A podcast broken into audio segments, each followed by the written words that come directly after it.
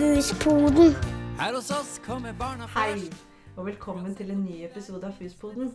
I dag skal vi snakke om hvordan vi voksne kan forstå barnets atferd. Det vil si hvordan vi møter barna som mamma og pappa når de trenger oss som aller mest. Jeg heter Hege Cecilie Eikseth, jeg er fagsjef i FUS-barnehagene. Og med meg i dag har jeg Per Kristian Harr, kompetansesjefen i FUS. Hei, hei. Hei. Du, I dag så skal jo vi snakke om eh, Det er jo litt krevende temaer. Altså Det er snakk om eh, hvordan vi skal ta imot det barnet har å fortelle oss når ting ikke er så greit. Om hektiske hverdager hvor vi lett kan kanskje ja, krenke barna, ikke ta oss nok tid til dem.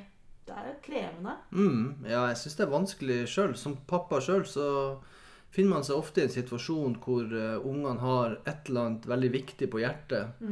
Og, og det å klare å få det Både tune seg inn på det ungene sier, og virkelig sette seg ned og ta tid der hvor ungene føler seg både sett og hørt og forstått, det er kjempevanskelig i en, eh, som du sier, hektisk hverdag. Og vi, snakker også, vi kommer også til å snakke litt om samarbeid mellom hjem og barnehage når det gjelder disse temaene også. Mm, ja, og det er jo utrolig viktig. Altså vi, alle barnehagene til, eh, til FUS eh, er jo en så stor del av disse ungene sin, sin hverdag. Og det er klart det at eh, der hvor eh, barnehagene og foreldre kan jobbe godt sammen med å både se og forstå og hjelpe den enkelte, enkelte barn, eh, der hvor det fungerer, der legger vi jo et veldig, veldig godt grunnlag eh, for en god start for den enkelte barnet. Mm, Det er ikke bare oss to her i dag, eh, Per Kristian. Eh, Med oss i dag så har vi også deg, Ingrid Lund. Velkommen. Tusen takk skal du ha. Veldig fint at du er med. Eh, Du er jo professor i spesialpedagogikk ved Pedagogisk utviklingssenter ved Universitetet i Agder. Eh, Og du har bl.a. skrevet boka 'Tydelig voksne når atferd utfordrer'. Det stemmer. Og så er du en av flere forskere bak rapporten 'Hele barnet, hele løpet' om mobbing i barnehagen eh, fra 2015. Den har fått veldig stor oppmerksomhet de senere årene. Eh, da vi inviterte deg inn til denne sendingen, så valgte du selv hovedoverskriften, som er 'Hvordan forstå barnets atferd'. Kan ikke du fortelle om det valget? Jo, grunnen til at jeg, jeg satt, ønsker å rette et fokus på det, er jo rett og slett det at eh, når vi snakker om at barn skal være sammen og finne ut av leken og finne ut av vennskap, som er noe av det aller, aller viktigste for, for barn, så er det jo den atferden som de voksne ser, den atferden som de voksne tolker, det er jo den som ligger til grunn for hvordan vi voksne reagerer, spesielt når det går galt i leken og i vennskap. Mm. Og Derfor så tenker jeg det er utrolig viktig det der for hvordan vi voksne forstår atferden, og ikke minst hvordan vi møter barnet på den atferden som ble vist oss. Ja. Mm. Og det er vel ikke alltid så lett å tolke? Nei, og det som, det som ofte skjer med oss voksne, er jo at vi tolker ut ifra de erfaringene vi har med oss. Ja. Og vi tolker på bakgrunn av sånn som vi forstår det. Men det vi noen ganger glemmer, og noen ganger litt for ofte glemmer, det er jo faktisk å sjekke ut med barna Ja. om er det sånn som vi forstår det, eller er det kanskje helt annerledes. Og da kommer vi inn på en veldig viktig tematikk opp mot atferd, nemlig barns medvirkning. For det å forstå barns atferd Vi kan forstå det ut fra sånn som vi tenker, men idet vi faktisk henvender oss til barnet og spør barnet Du, hva var det som skjedde der nå? Så, så løfter vi det et hakk på en måte eh, nærmere barnet. Og kan ha muligheten til å forstå barn på en helt annen måte enn hvis vi bare kjører på med våre egne forståelser. Og spesielt det som har jobba med, nå med mobbing i mange mange år, så, så ser jeg jo at vi voksne er litt for kjappe til å kun forstå det ut ifra våre erfaringer og vår kunnskap uten å sjekke det ut med barnet. Og det er jo egentlig veldig alvorlig. Mm. Hva tror, hva, hva tror du det handler om at vi ikke sjekker ut uh... Jeg tenker jeg, tenker, jeg har jo en sånn grunnsyn på mennesker at vi ønsker å få det alltid til så godt vi bare kan. jeg tenker at eh, eh, også voksne foreldre og ansatte i barnehaver de har en sånn, Vi ønsker å få det til. Men så noen ganger så er vi så i fart. Og vi har noen ideer i hodene våre om hvordan ting skal være og burde være. Og så overstyrer det oss, bl.a. pga. tempoet vårt. Ja, ja. Annet fordi at det, eksempel hjemme så går de i full fart, og da kjører vi på med noen raske budskap som f.eks. 'ti still, hold opp med det der'. Eh, og sånn er livet også, må jeg bare få sagt det. Livet i en familie er i fart noen ganger. Ja. Og det må man også anerkjenne. Men den voksnes bevissthet på at Oi sann, min reaksjon nå den var kanskje ikke helt bra. Og det var fordi jeg var stressa. Det var fordi at jeg skulle forte meg til noe annet. Og så ble jeg sinna på en måte, eller reagerte på en måte i møte med barns atferd som Oi sann, den var ikke helt god. Mm. Og den type refleksjon, det er egentlig den jeg etterspør. Det etterspør ikke å være perfekt. Mm. For det at liv i en familie og liv i en barnehage, det går varmt noen ganger. Sånn er livet. Det er også noe av det som er det der livsmestringsperspektivet. Mm. Men det er voksnes ansvar å bevisstgjøre seg selv på min reaksjon i møte med barns atferd. Mm. Og det er den, liksom dette grepet der som jeg roper litt høyt ut etter. Mm. Det handler faktisk om en bevisstgjøring på hvordan vi voksne håndterer både egne følelser og barnets følelser. Mm. Og veldig ofte så, så, så er det kanskje sånn at vi lar oss styre av våre egne følelser i møte med barns atferd. Istedenfor faktisk ta ansvar for følelsene våre og vårt eget følelsesuttrykk og vårt eget atferdsuttrykk. Mm. Mm. For det kan være ganske skremmende for barn noen ganger når vi voksne kjører på med der vi er, og så glemmer vi å koble oss på barnet. Mm. Og det verste er at barna ofte får skyld for en del ting fordi vi ikke voksne har klart å håndtere atferden og atferdsuttrykket godt nok. Ja. Mm. Mm. Og det kan jo ofte være de samme barna kanskje som opplever negativ tilbakemelding både i barnehage og hjemme. Ja. Ja, at det er noe der. Det er veldig mye der. Ja. For at eh, jeg har en sånn jeg har en sånn grunntese og grunnholdning til at i relasjon til barn er det alltid den voksne som er ansvarlig. Ja. Og den store forskjellen på voksne og barn, det er at vi har utvikla en refleksjonsdel ifra, helt framme i hjernen vår som gjør at vi kan bruke erfaringene våre til å stoppe opp, til å tenke, til å ta kontroll over følelsene våre på en helt annen måte enn det vi kan forvente av små barn. Ja. Mm. Og det er faktisk utrolig viktig kunnskap. For det at eh, når vi har en helt annet grunnlag for å stoppe opp og ta kontroll over både følelser og atferd, så er det vårt ansvar å gjøre det i møte med irritasjonen vår over barns atferd. Mm. Mm. Og, og det, å, det barn trenger for å øve opp den der refleksjonsmuskelen sin, de er fullstendig avhengig av de voksnes eh, støtte og veiledning. Mm. De klarer seg ikke uten. Mm. Og noen ganger mener jeg at vi voksne har altfor store forventninger Mm. til barns atferd. Mm. Fordi de har ikke fått hjelp til å forstå sin egen atferd Mm. og sine egne følelser. Mm. Og hvordan skal vi da forvente at barn skal på en måte finne ut av denne store verden som er omkring dem, Mm. når de ikke har fått hjelp til å forstå den? Mm. Mm. Og der kommer også meningsbegrepet inn. Det å hjelpe barn til å finne mening i denne store verden, og alt det som skjer imellom oss, Mm. og i oss, Mm. Og i andre. Det trenger barn hjelp til. Mm. Men som, som, eh, som mamma eller pappa da, i en sånn hektisk hverdag, Ja. eh, når eh, barnet ditt kommer hjem og, og snakker om eh, en eller annen atferd de har blitt utsatt for, som de har eh, blitt såra av, blitt lei seg for osv., så, så er det jo vanskelig av og til å liksom møte ungene på der de er. Og så Noen ganger så tenker man ja, er ikke, men er det her mobbing, eller er det bare litt sånn erting? Og hvordan skal jeg få mitt barn til å liksom ta imot den kanskje litt eh, ekle eller dårlige tilbakemeldinga eller kommentaren da, på en bedre måte? Altså, fordi at man man tenker jo ofte at man blir at ungene vil jo bli utsatt for det her mange ganger i løpet av livet. Og man ønsker jo at ungene kanskje er mer robust enn de kanskje egentlig er. Og det, av og til så syns jeg sjøl det er vanskelig å liksom tenke Ja, jeg hører at hun eller han har sagt det til deg, men Eh, men, men hvordan skal du imøtekomme de ungene sitt, sitt behov for å liksom eh, få en eh, støtte og tilbakemelding på, på akkurat det, da? Det her er det jo et enormt stort tema du er innom nå. Eh, men hvis jeg skal prøve å besvare spørsmålet ditt, utgangsspørsmålet ditt og, og avslutningsspørsmålet ditt i forhold til hvordan skal vi voksne møte det, Mm. så eh, er det aller, aller viktigste er at den voksne er bevisst på eh, Jeg er i kontakt nå. Jeg, jeg, jeg, jeg er kobla på barnet. For hvis du står og holder på med middagsgrytene, hvis du er i fart og er på vei ut til bilen som står og surrer ut forbi, Ja.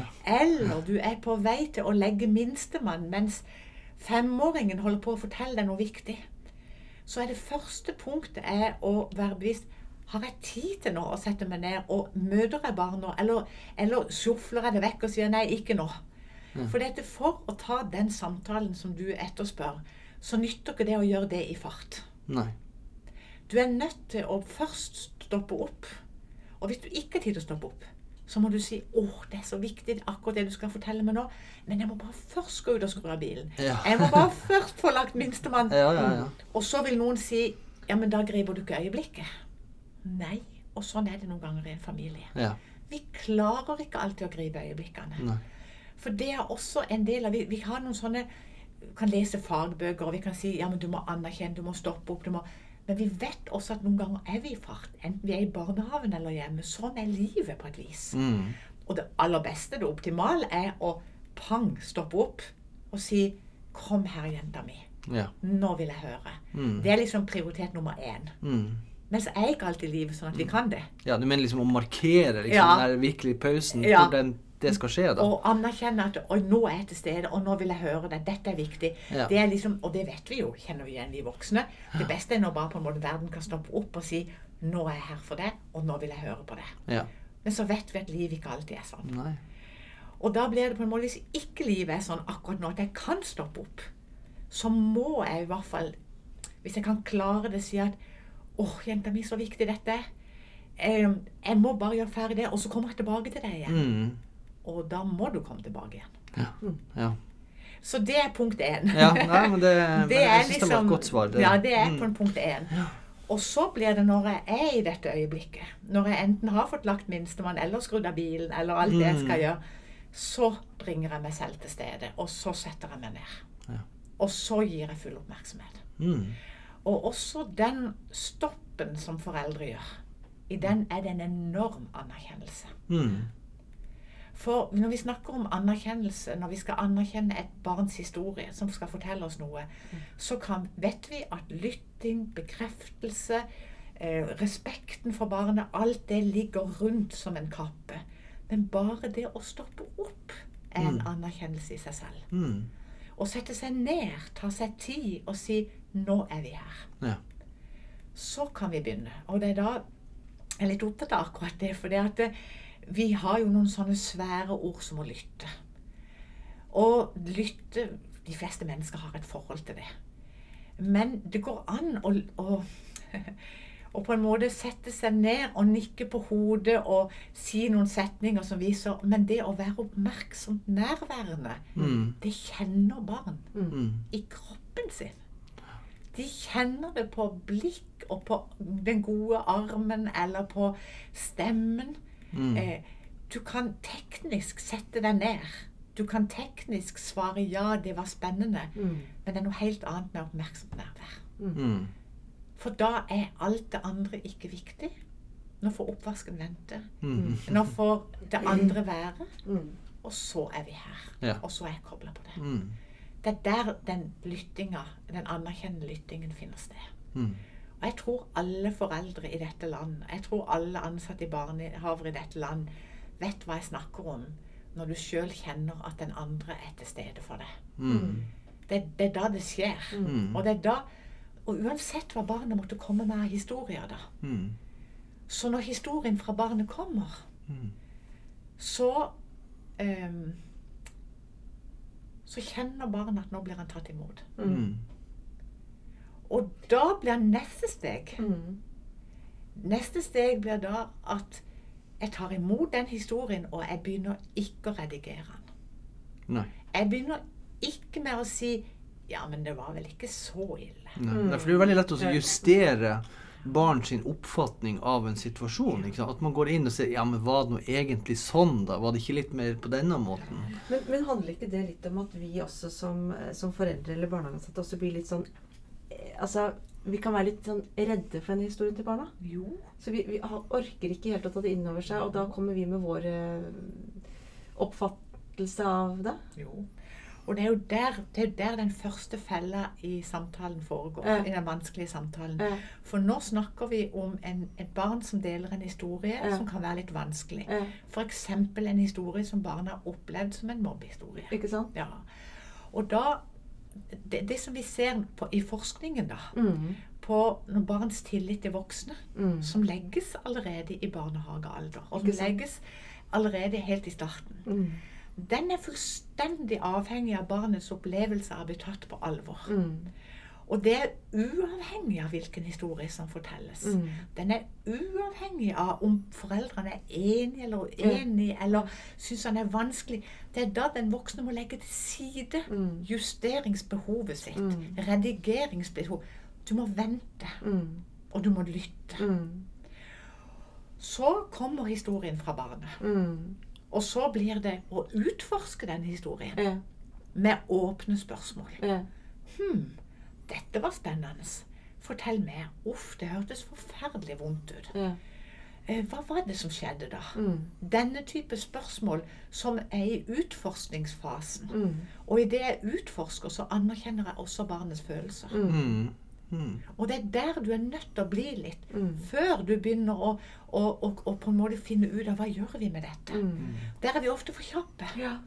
Mm. Jeg, jeg, ja. Av og til så tenker jeg at eh, vi foreldre og barnehageansatte vi har kommet ganske mye lenger når det gjelder ikke sant?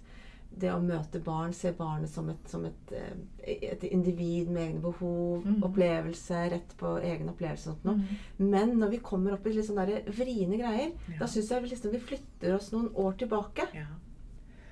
Og det er jo derfor vi sånn, på en måte blir litt sånn motsetning i det du sier der. For den ene sier at er vi gode til å møte barns opplevelse, men vi er ikke så gode på å møte barns opplevelse når ikke de stemmer med vår opplevelse. Ja. Ja, ikke sant? Og det er det som er så Og det, da, da er vi ikke så gode på å møte barns opplevelse. nei. ikke Nei. Så det spørs om vi er så gode. Ja. Det som er skummelt, Ja. er at vi tror vi er gode. Ja.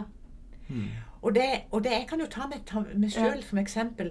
Altså Når jeg møter noe som er ubehagelig, og som jeg syns er vanskelig, ikke jeg vet hvor jeg skal, hvordan jeg skal håndtere det, så er jeg ikke alltid så god Nei. som jeg skulle ønske å være. Nei. Nei. Men hvis jeg er en god voksen, da så er jeg klar over at oi sann. Nå hørte jeg ikke ordentlig etter, for nå var jeg så opptatt av det som jeg tenkte om det, Ja. at nå Ja. glemte jeg å høre etter. Ja. Ja. Og det jeg gjør, det stopper. Da er jeg god igjen. Ikke sant? Ja. Ja, man dueller med det. Ja. Ja, det går jo på at man er sånn, eh, i en sånn ja, hektisk hverdag, du er kanskje ikke helt til stede, så er man jo kanskje ofte Noen ganger så kjenner jeg meg sjøl igjen at jeg er mer opptatt av å prøve å finne det riktige svaret enn å virkelig si, komme i dybden på hva mitt, mitt barn er liksom eh, Hva det går i. Liksom Komme liksom i dybden og under de underliggende følelsene til at, at han eller hun er lei seg, eller ja, et eller annet. Man er jo opptatt av å komme med et eller annet sånn der eh, fantastisk svar som skal løse alt. Og så er det jo ikke så enkelt. Nei, For vi vil, et, et, det der med å komme kjapt med løsninger Ja. Det er kjapt med å finne svaret, for det vi sitter med svaret. Ja. Det vi også glemmer på den veien, er jo å finne barnets svar. Mm. For det vi ser når vi går inn i den type samtale med barn, det er at sånn når vi lurer på du, Hva tenker du at vi kan gjøre sånn at ikke det blir sånn i morgen? Ja. Hva kan mamma og pappa gjøre? Ja. Hva kan vi snakke med den voksne i barnehagen om at vi kan gjøre? Og, det, og så kan det være at barnet svarer nei, jeg vet ikke. Nei. Og det kan være at barnet sier du får ikke lov til å si det. Ja. Ikke sant? Mm. Og da blir det Da må vi koble på den voksnes refleksjonslapp fram i hjernen og si at Ja. noen ganger så er det sånn at dette må vi snakke med de voksne i barnehagen om. Ja. Mm. Og da er det faktisk noen barn som sier at ja, men da kan det bare bli mye verre. ja. Mm. Og det verste er jo at noen ganger kan barnet ha rett. At det blir mye verre. Ja, for Mm. det er ikke alltid sånn at det hjelper å snakke om ting. Nei. der vi ikke har voksne Nei. som Mm. faktisk tar tak. Mm. Og én ting er å ta tak der og nå, Mm. men det er også det å følge det opp. Mm. Sånn at det, når et barn forteller en historie, så har dette mange faser Ja. til å bli fulgt opp. Ja. Og skal det være sånn at barnet får en erfaring på at det jeg fortalte nå, det neste gang jeg skal fortelle, ja, så ble det jo faktisk ikke bedre. Nei. For jeg fortalte det, Ja. og så skjedde det ikke noe mer. Mm. Ikke sant? Og det er jo derfor at samtalen der og da er utgangspunkt for at det skal bli bedre. Men så er det jo videre oppfølging av det barna har fortalt der og da, som blir viktig. Ja, for det, det, det tenker jeg det, altså Hvis jeg som mamma sitter hjemme med et barn, mm. med mitt barn, mm. som forteller om vonde opplevelser, Ja. og så skal jeg ta opp det med barnehagepersonalet, Ja. da skal jeg være rimelig sikker og trygg på at det blir håndtert på en god måte. Yes. Og du har jo Jeg, jeg syns jeg kan huske jeg har hørt deg mange ganger eh, snakke om mobbing og krenkelser i barnehage. Mhm. Og det du har vært opptatt av, at det nytter ikke med kunnskap. Eh, det, det må starte med holdninger. Ja. Så, så altså, hvordan tenker du at Hvordan kan både hjem og barnehage samarbeide om, oss, om, om disse holdningene? I, Nei, og det er klart altså, Holdninger og kunnskap henger sammen. Sånn, ideelt sett så er det sånn at når vi får kunnskap, så vi, kan vi også tenke nytt om barn og forstå barn. Men det vi ser, er at kunnskap alene kan ikke hjelpe uten at vi har holdninger i bunn. Og der er det bl.a. holdninger til barn. mm. Og barns atferd, som igjen kommer som et grunnlag. Og så har vi kunnskap om atferd og, og hvordan vi skal håndtere dette, som er utrolig viktig. Men før dette så ligger noen grunnleggende holdninger til hvordan skal vi forstå barnets atferd? Hva tenker jeg om barn? Hva tenker jeg om det å være liten? Hvem er det som har ansvaret? Hva er min holdning til Hva er mitt ansvar når barn forteller en sånn historie? Jo, mitt ansvar som voksen er at vi voksne sammen skal legge til rette for barnet. Det er aldri barnets ansvar. Mm. Og da blir de holdninger jeg som mamma har, til mitt ansvar til å gå til barnehagen. Mm. Mm. Og idet jeg går til barnehagen, enten med den telefonen jeg tar, det møtet jeg avtaler, det jeg tar opp i garderoben, eller aller helst ikke i garderoben, men avtaler et møte med barnehagen rett etterpå, som jeg faktisk gjør, Mm.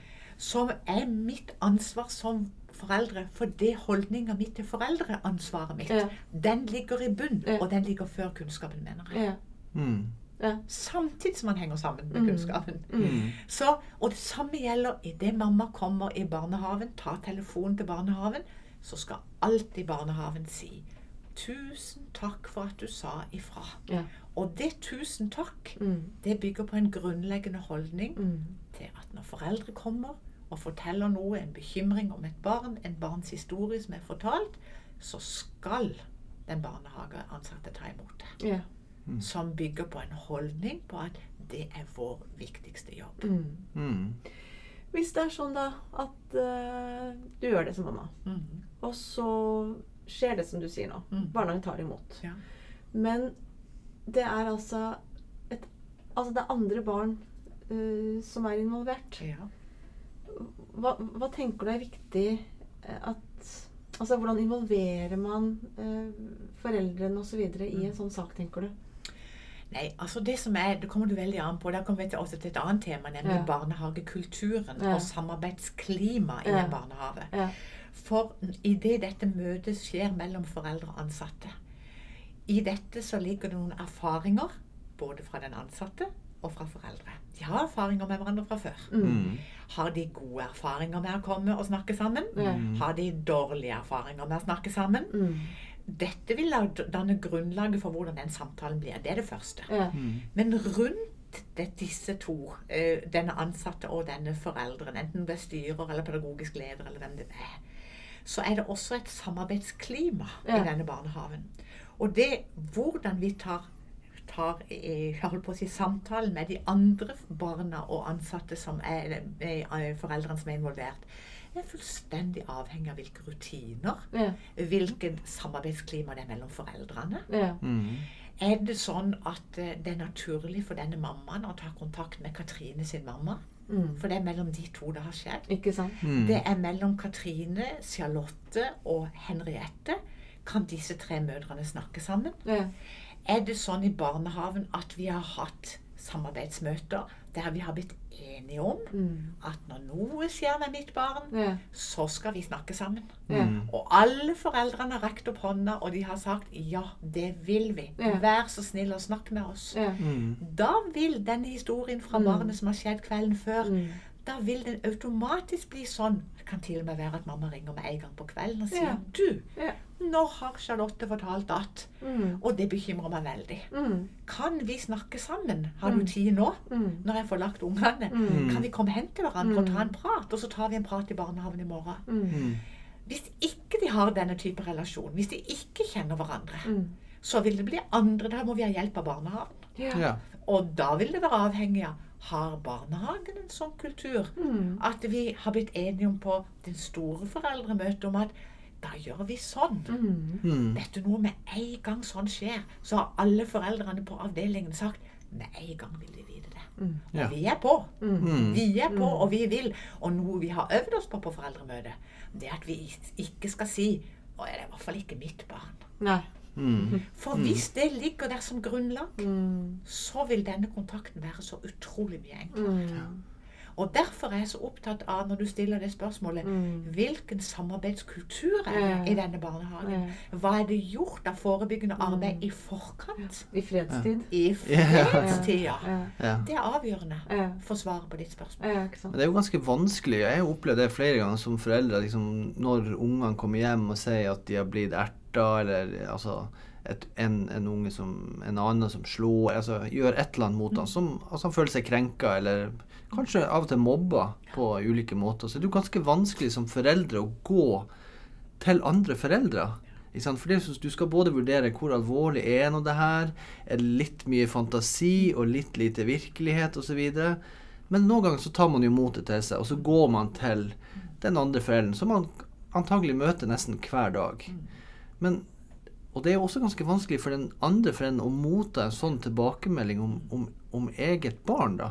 Men hvilke råd har du kommet til, til, til foreldre som hva skal jeg si, motfor en sånn eh, ikke så veldig hyggelig tilbakemelding på at ditt barn, din datter eller sønn, gjør det her mot, mot mitt barn?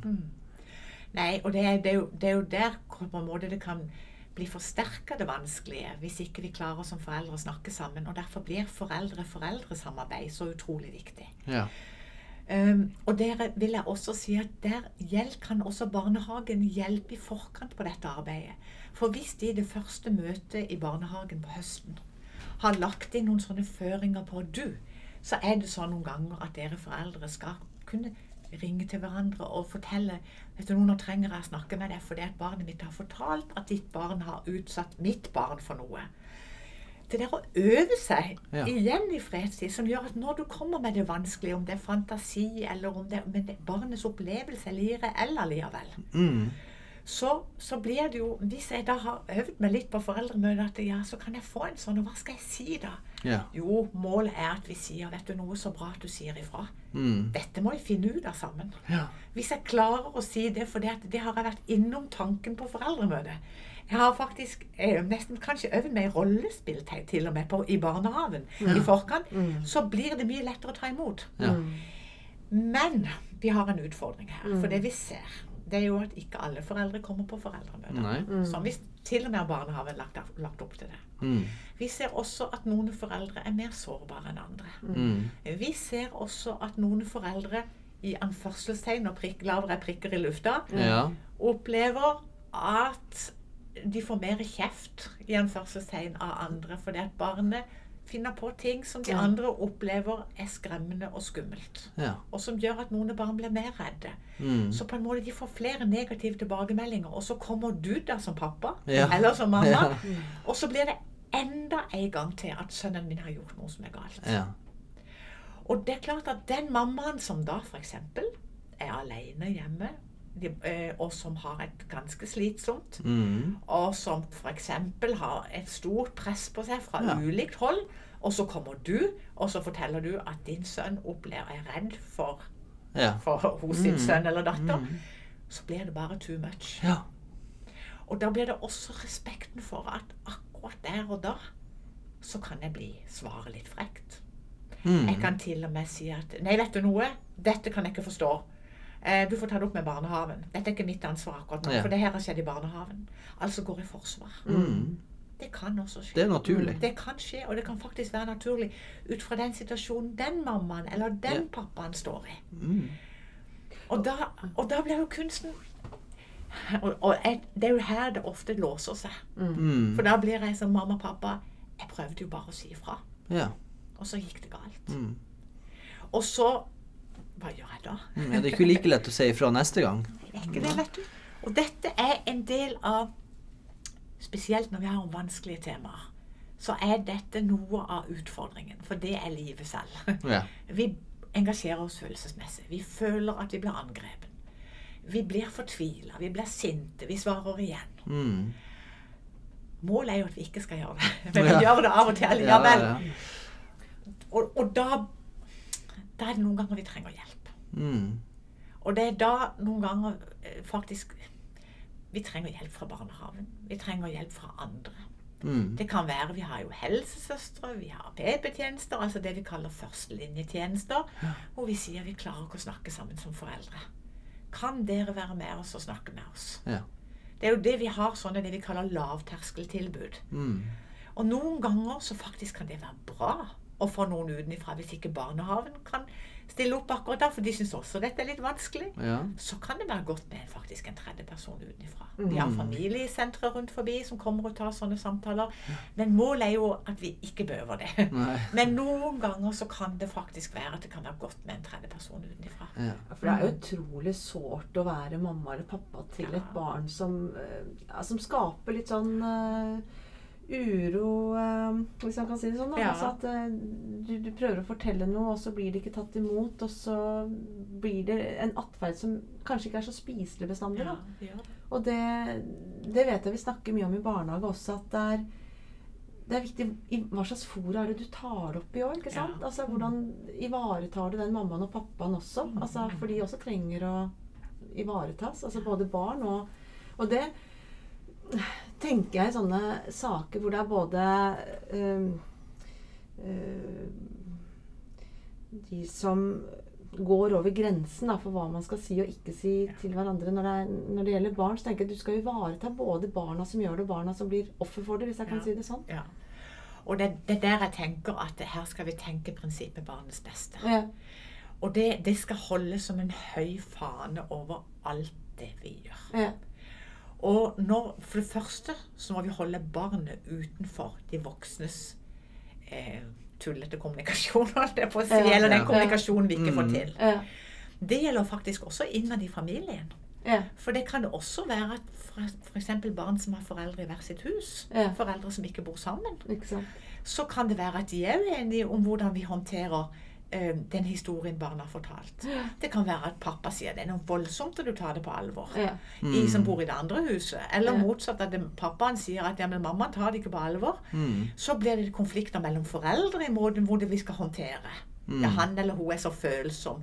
Altså, og der mener jeg at der skal vi skjerme barna. Ja. Mm. For barnet skal bli hørt. Mm. Og hvis vi er uenige om hvordan det skal høres, på hvilken måte, så, og, og også i forhold til andre foreldre, så gjelder det faktisk å skjerme barna for det vi voksne er uenige om her.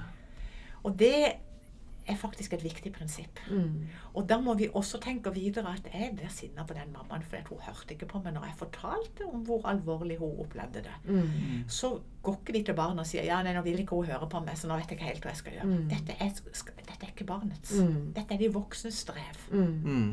Mm. Mm. Eh, det Ja. barnet skal oppleve, er at de voksne skal samarbeide, og der vi ikke får det til, Mm. så får vi jommen meg skjerpa. Mm. Jeg mener det er veldig alvorlig. Ja. Og det er der vi noen ganger trenger hjelp. Ja, og det er der jeg tenker at gå- spole litt tilbake i, Mm. i vår samtale også, hvor du, du sier noe om at, eh, at barna skal ikke ta ansvar for vårt strev. Nei. Altså, og det skjer jo ofte hvis vi uh, setter kalenderen på full, uh, sånn at det blir for stressende hverdager for oss. Og så, og så samarbeider kanskje ikke barna så mye som vi ønsker.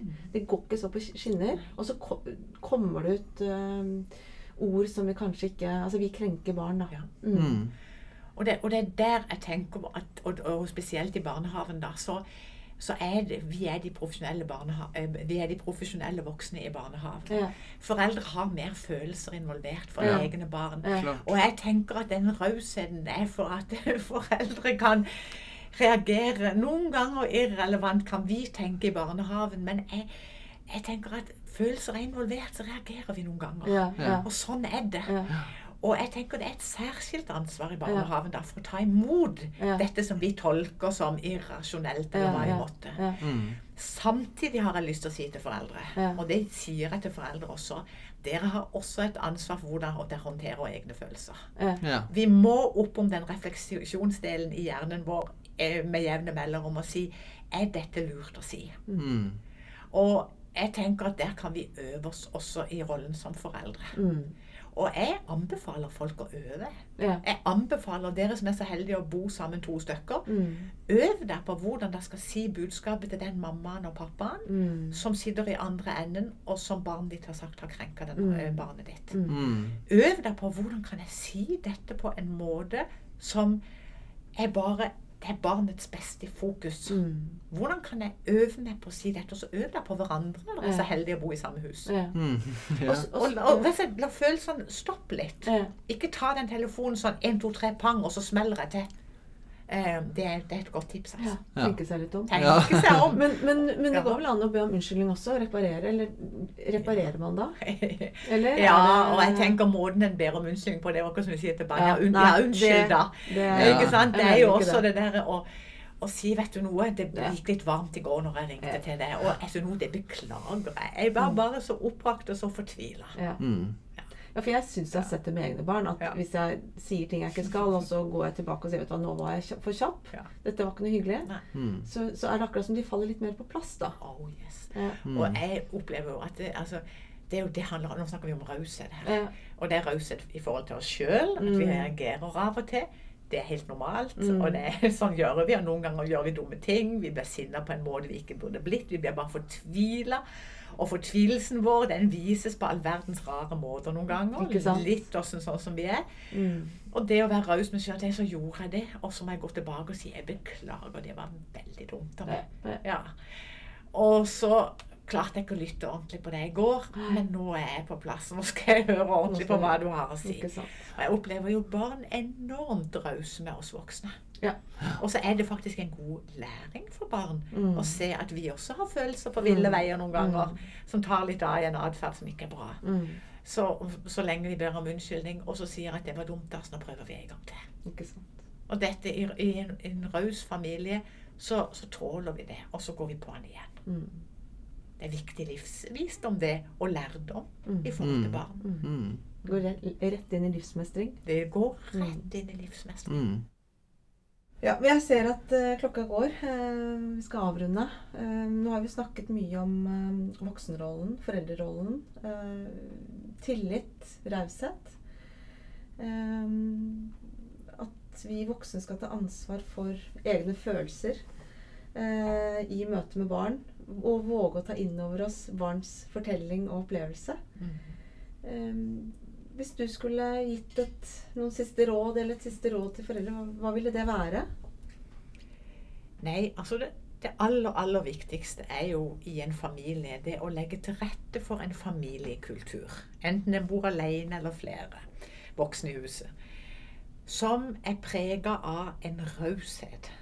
Eh, der vi faktisk er rause med oss sjøl og rause med barnet i forhold til å ta imot hverandre. Ja. Når, når, det, når det går oss imot i livet. Ja.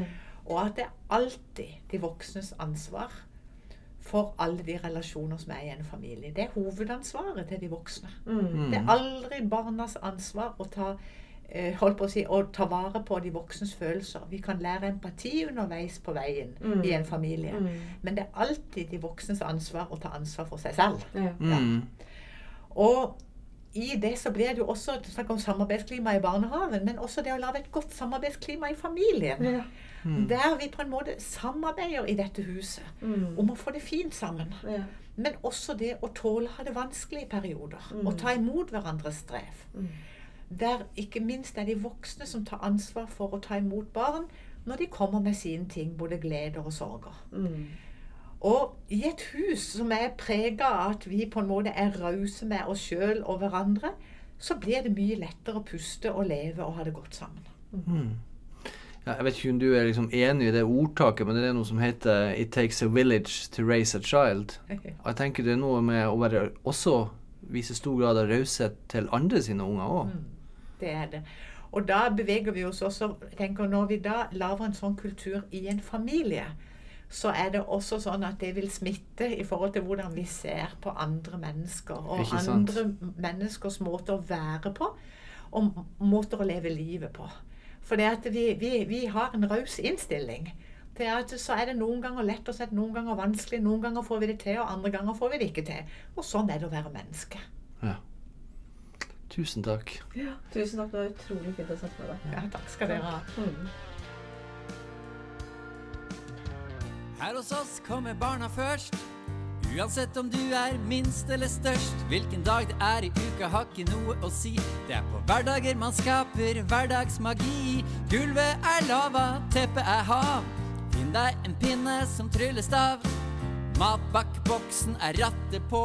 Et superromskip med oppskyting nå. En knapp du finner kan bli en diamant. Hvis du sier den er verdt en million, så er det sant. Bli med og spill luftgitar. Og har du lyst til å synge, så gjør deg klar. Hvem har lyst til å skli på sklia? Hvem har lyst til å huske vi leker hele tida? Førstemann til å få på seg sko. Hvem må på do? Hvem vil ut og lage snømann? Hvem vil bygge klosser så høyt som det går an? Bygg verdens høyeste hus. Og hvem vil hoppe paradis?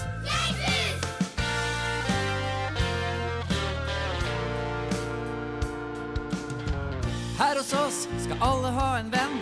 Klart du kan få flere, men alle skal ha én. En du blir ekstra glad for å se. En du alltid vet du kan leke med. Her skal det lekes så mye man vil. Gjemsel og sissen og stigespill. Male et kunstverk, tegne en borg. Kaste papirfly, ny rekord! Det skal bli søle på kinnet og sand i rumpa. Hei! Var det noen som prompa? Blås i det Tørk bort snørret når refrenget kommer, vet du hva du har å gjøre? Hvem har lyst til å skli på sklia? Hvem har lyst til å huske vi leker hele tida? Førstemann til å få på seg sko. Men hvem må på do?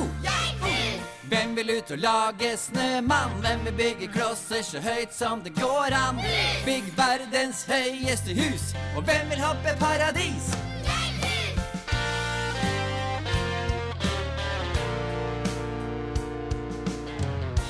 Det er ikke bare barn her i barnehagen vår. Noen må lese, lage kakao og plastre på sår. Dra i gang turer, snakke med barna, prøv å forstå.